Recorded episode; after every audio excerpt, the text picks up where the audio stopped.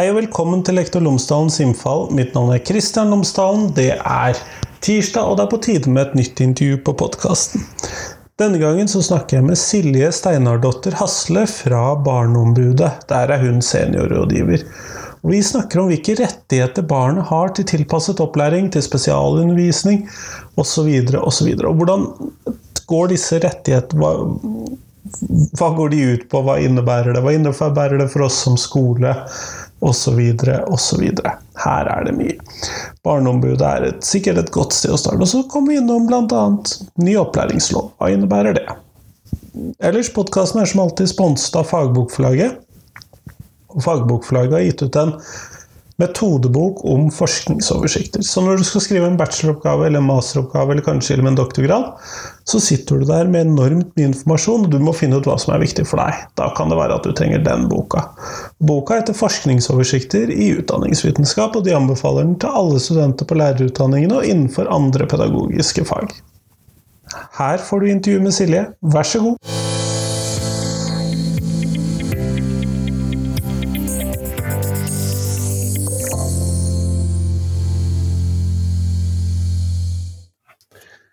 Silje Steinardotter Hasle, tusen takk for at du har tatt deg tid til meg i dag.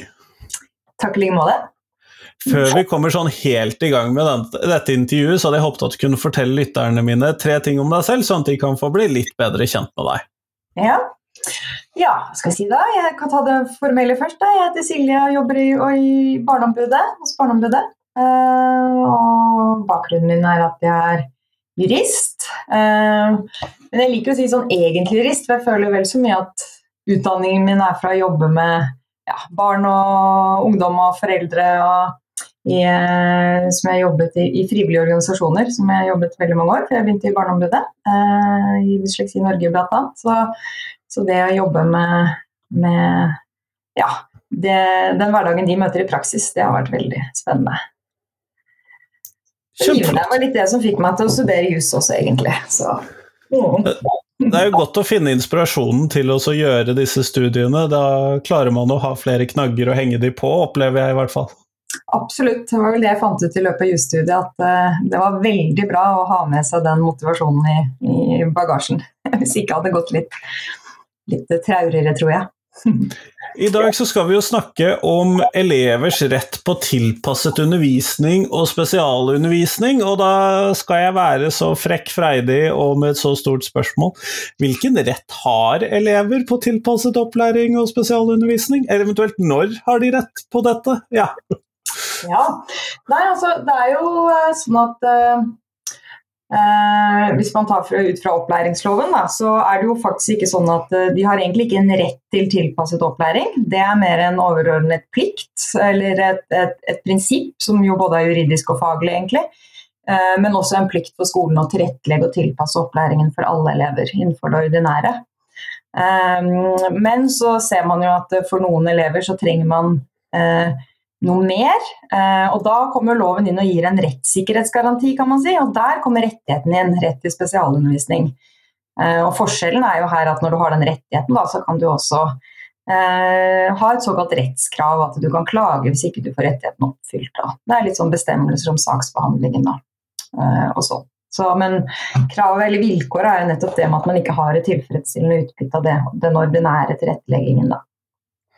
Jeg er jo litt overrasket over det du sier nå, for jeg må innrømme at jeg har innbilt meg i all min lærerpraksis og i all min eh, Når jeg har jobbet med utdanningsrett etterpå, og når jeg har jobbet med doktorgraden min for den saks skyld, at eh, man har rett på tilpasset opplæring, og at det er juridisk fundert i opplæringsloven. Mm. Det har jeg innbilt meg. Ja, ikke sant? og det tror jeg ikke du er alene om. Det er, det er jo litt sånn Uh, man skal jo holde tunga litt rett i munnen for å liksom sortere hva betyr det og hva er på en måte forskjellen? Fordi det er jo fortsatt en plikt, det er jo fortsatt noe eleven skal ha, tilpasset opplæring. Uh, men det, er, det, ligger nettopp i det der med at det rettskrav og den, den rettssikkerhetsmekanismen og krav til saksbehandling og sånn, og det som ligger i, det, det, har ikke alle elever. Det vil jo bety at alle elever hadde på en måte en, en klagerett på opplæringstilbudet sitt, uh, men nå knyttes det mer til at du først får eh, retten til spesialundervisning. Da. Men så kan man jo også argumentere for at hvis du løfter blikket helt og ser på retten til utdanning som sådan, som også er en, en menneskerettighet, men følger av bl.a. Barnekonvensjonen, så er jo Barnekomiteen, eller den, den komiteen i FN som, som sier noe om hvordan man skal forstå retten til utdanning, de sier veldig tydelig eh, at eh, retten til utdanning også om, altså stiller krav til innholdet i utdanningen. fordi at For å oppnå det som er utdanningens formål, om å utvikle alle barns sitt fulle potensial, så må utdanningen være tilrettelagt. Den må være tilrettelagt hver enkelt sine evner og forutsetninger og det som vi kjenner igjen fra tilpasset opplæring. Så på en måte så kan du jo si at retten til utdanning innebærer en rett til en tilrettelagt utdanning. Det, det kan man vel sånn sett si. Men, uh, men det er jo litt interessant at det, på det generelle plan at dette er mer fundert i overordnede dokumenter enn i selve opplæringsloven, og det er jo eh, det understreker jo kanskje hvor viktig disse dokumentene, konvensjonene, forpliktelsene osv. er for egentlig for yrket vårt da, som lærere. Mm. Ja, jeg syns, eh, jeg syns, jo eh, det er altså kan, Det er lett å tenke at disse menneskerettighetene er litt sånn Det er litt høytsvevende, og det er kanskje ikke så relevant for oss. Vi har jo opplæringsloven og, og, og sånn. Eh, men, men, det er ganske spennende sånn når man begynner å se på hva som ligger i retten til utdanning. Og, og Barnekomiteen har laget en generell kommentar, som den første de lagde i 2001. Eh, hvor det sier mye om, om, hva det innebærer det å ha en eh, rett til en, til en, bestemt kvalitet på utdanningen, om hvordan utdanningen skal bidra til å utvikle barnets helhetlige altså barnets helhetlige utvikling, som er mye mer enn liksom bare læring og, og, og hva skal man si eh, eh, liksom de helt konkrete ferdighetene, men også mye mer hele barnets utvikling. Da. Hele dannelsesperspektivet, kan man si. Så det er jo mye fin veiledning i, i menneskerettighetene om hvordan forstå retten til utdanning og innholdet.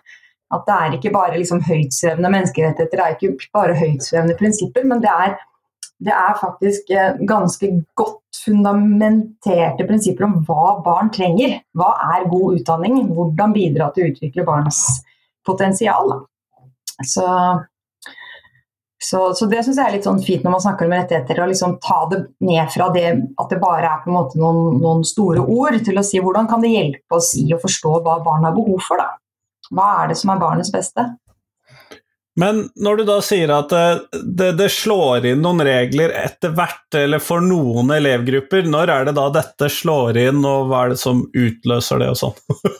ja, det er jo da dette berømte begrepet som sikkert mange kjenner til, når eleven ikke har tilfredsstillende utbytte av det ordinære tilbudet. Um, så det er jo en vurdering som lærere da, som hele tiden må følge med, og det er jo en del av det man skal gjøre under underveisvurdering òg. Man hele tiden følge med på utbyttet til elevene og vurdere når, når er det vi eh, Og så hele tiden tilpasse selvfølgelig ut ifra det man har kompetanse og ressurser og, og rammer for.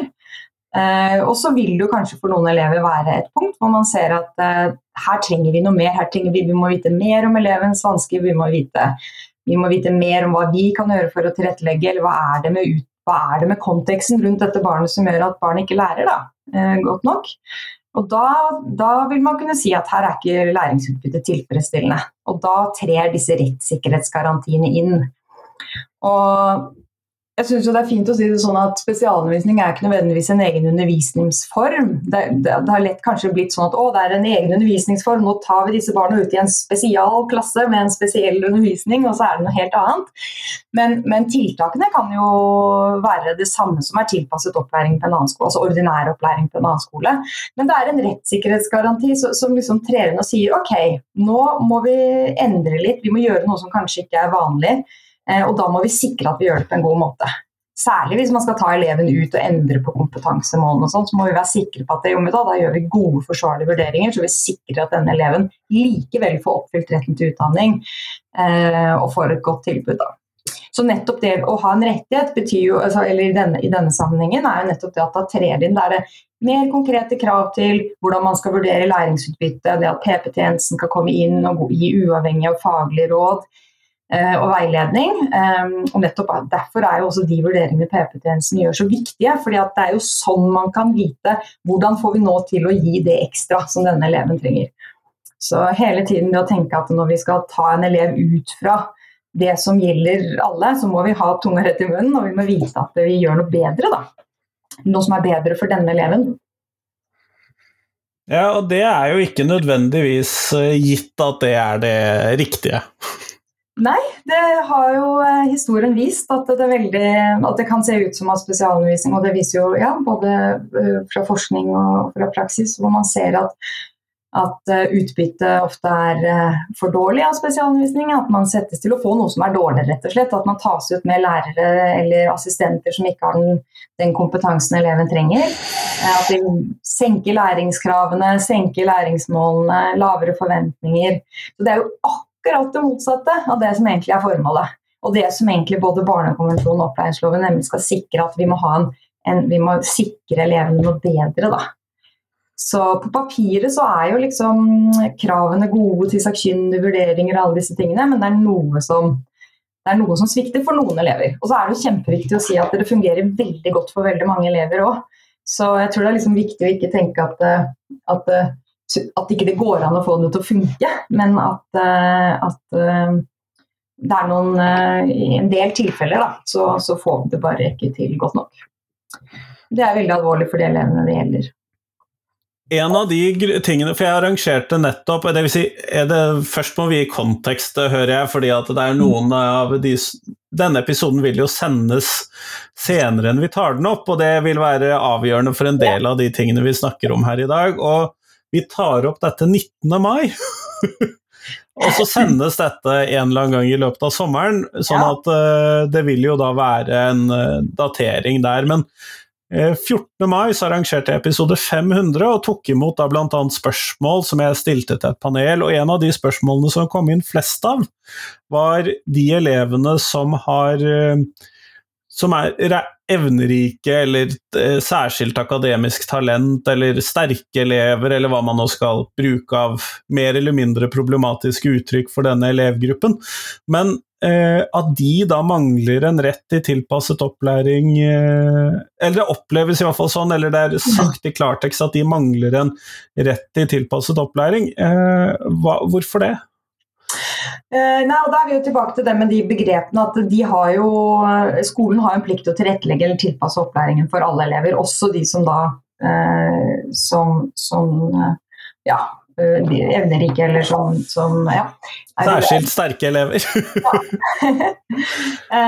men, men, så er det jo også sånn at, det, og det tror jeg departementet også har vært veldig tydelig på, at retten til spesialundervisning den, den, den er ikke ment si, for de elevene. Eller, den, den, er for de som trenger tilrettelegging for å få et utbytte, og få et likeverdig utbytte med de andre elevene. At man trenger et, et faglig løft, da, kan man si, for å bruke det begrepet.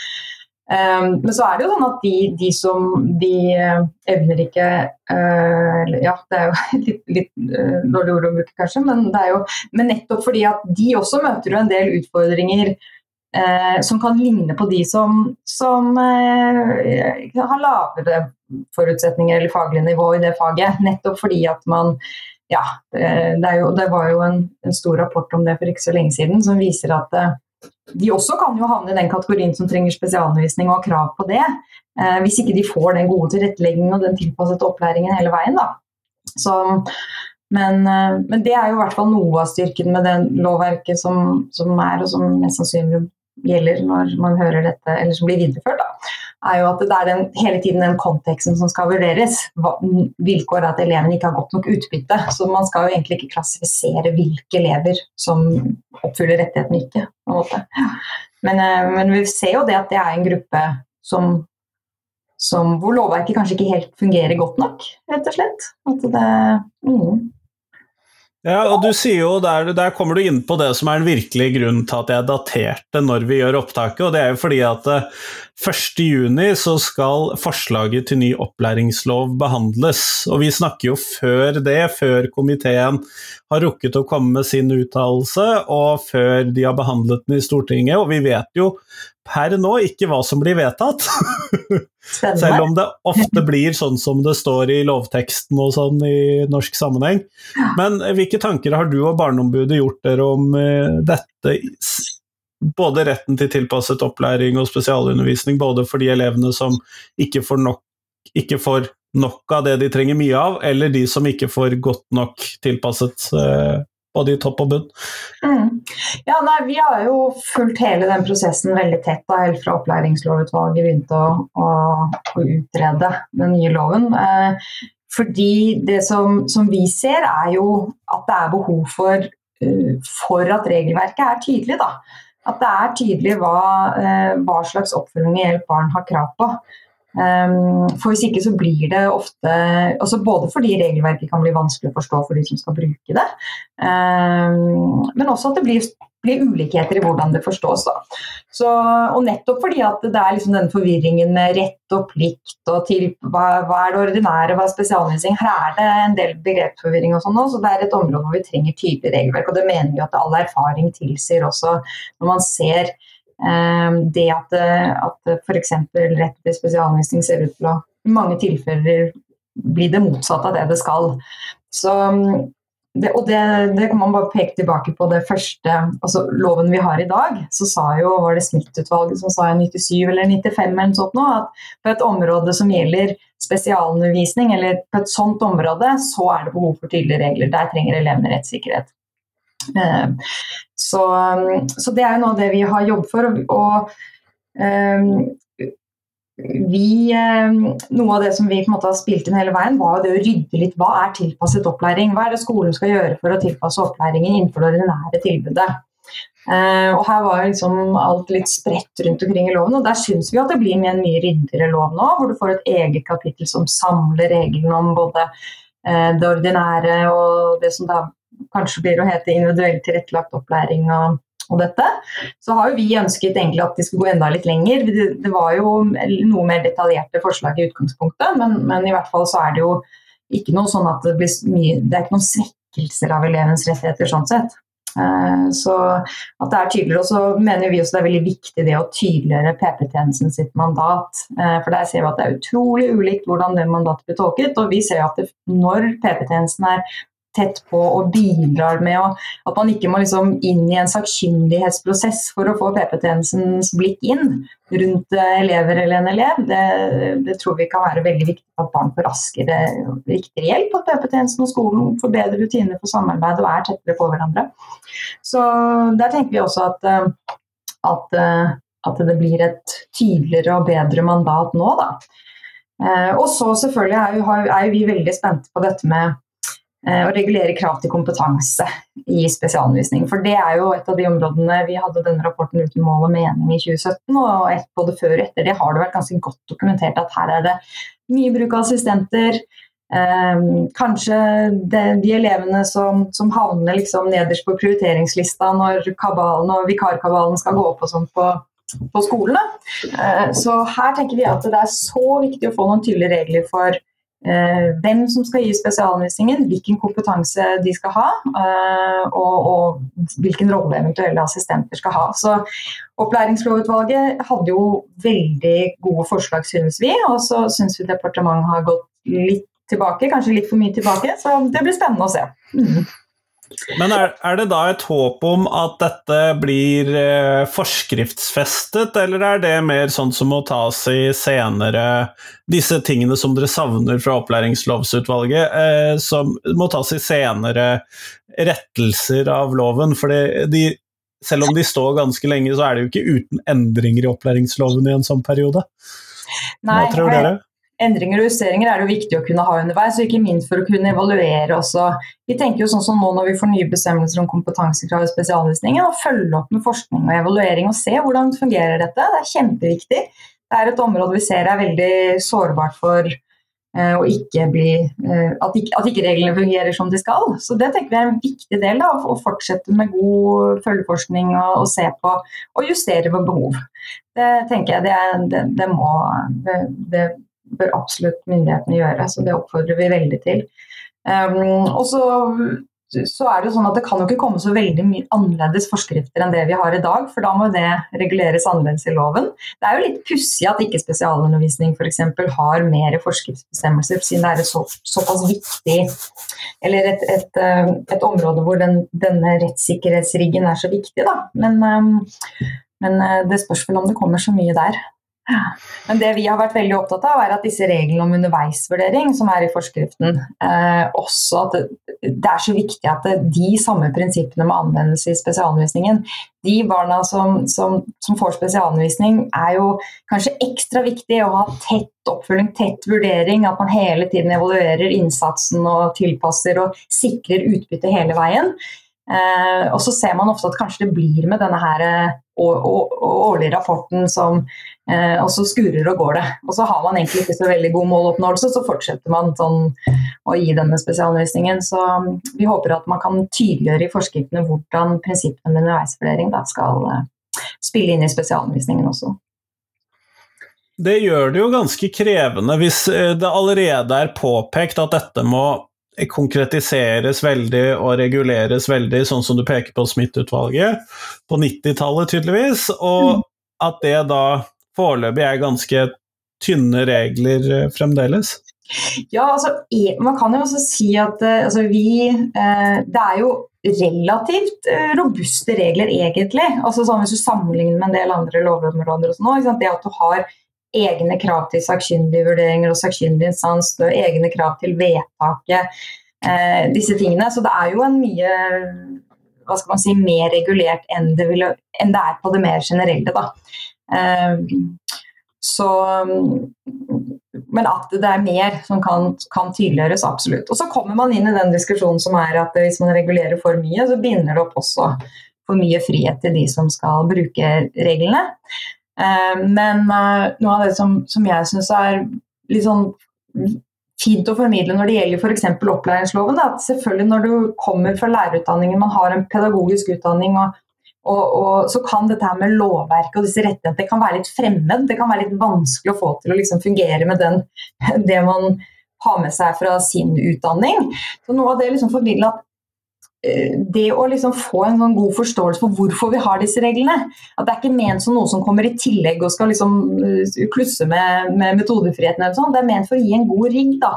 En god ramme for hvordan man kan, man kan ha god, god, tilpasset opplæring og, og sikre elevene. At egentlig jussen og pedagogikken og faget kan fungere ganske godt sammen. Um, men det, det, fordrer jo at man får god opplæring i hva, hvordan, hva som er formålet bak lovverket. ikke sant, Forstår og ser nytten i det. Så det tenker jeg også Det er jo en eh, rapport som Utdanningsdirektoratet har fått eh, nå ganske nylig som viser at eh, kunnskapen om regelverket i skolesektoren er veldig lav. Spesielt reglene om skolemiljø og spesialundervisning. Sånn at der tenker jeg det er en jobb å gjøre å ja, gi god kunnskap og at det skal, skal bli et nyttig verktøy for de som jobber i skolen.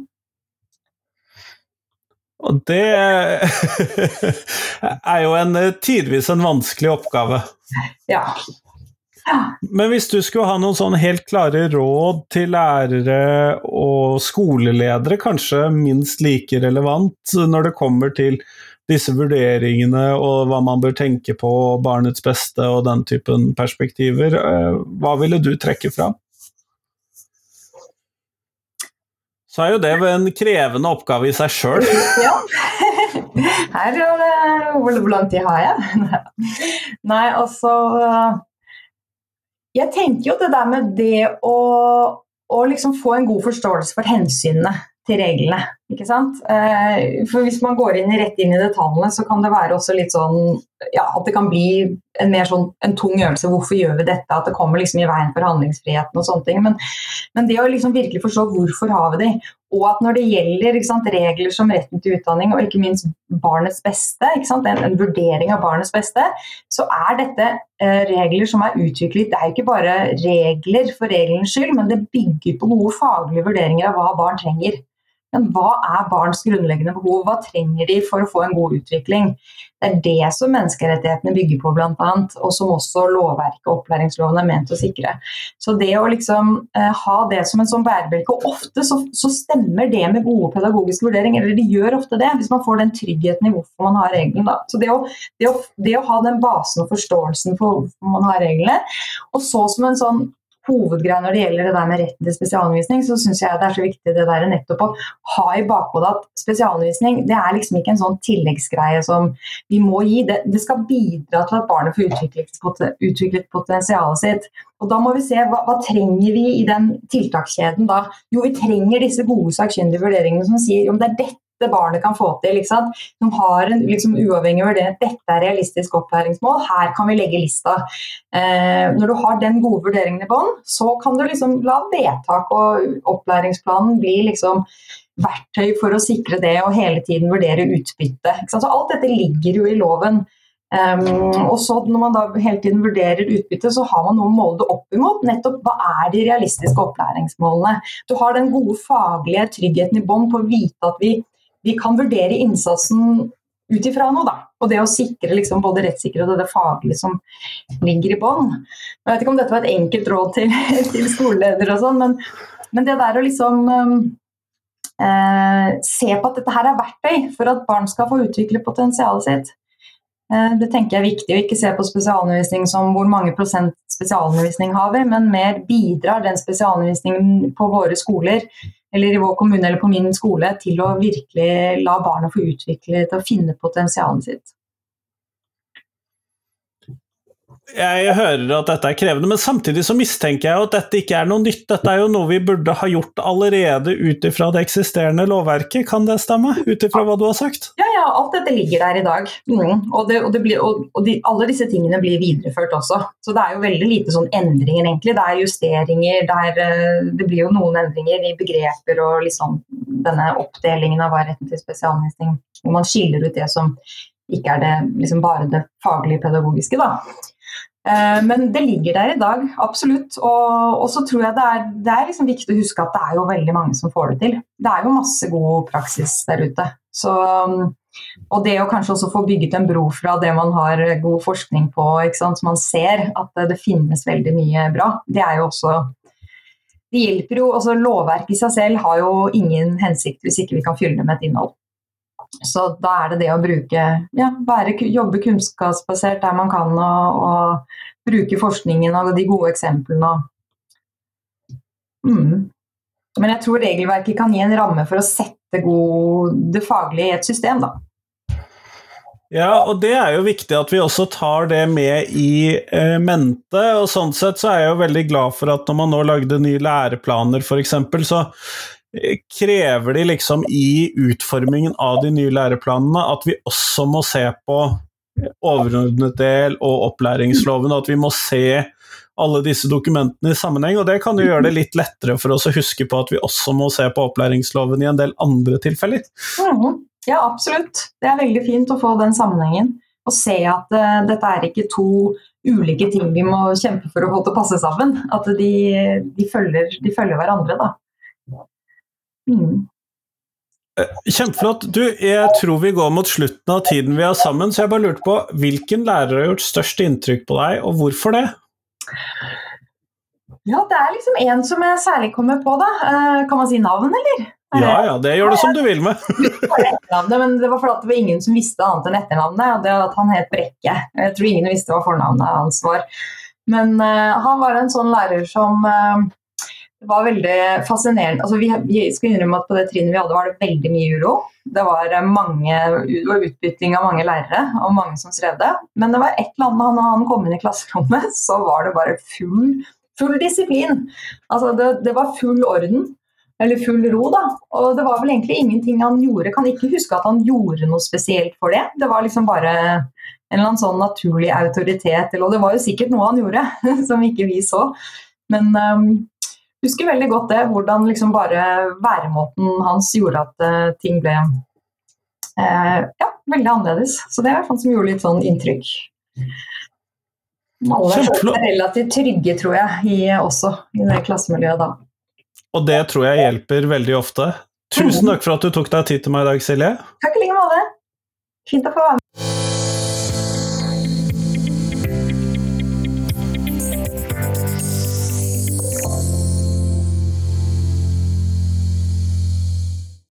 Tusen takk til Silje, og tusen takk til deg som har hørt på.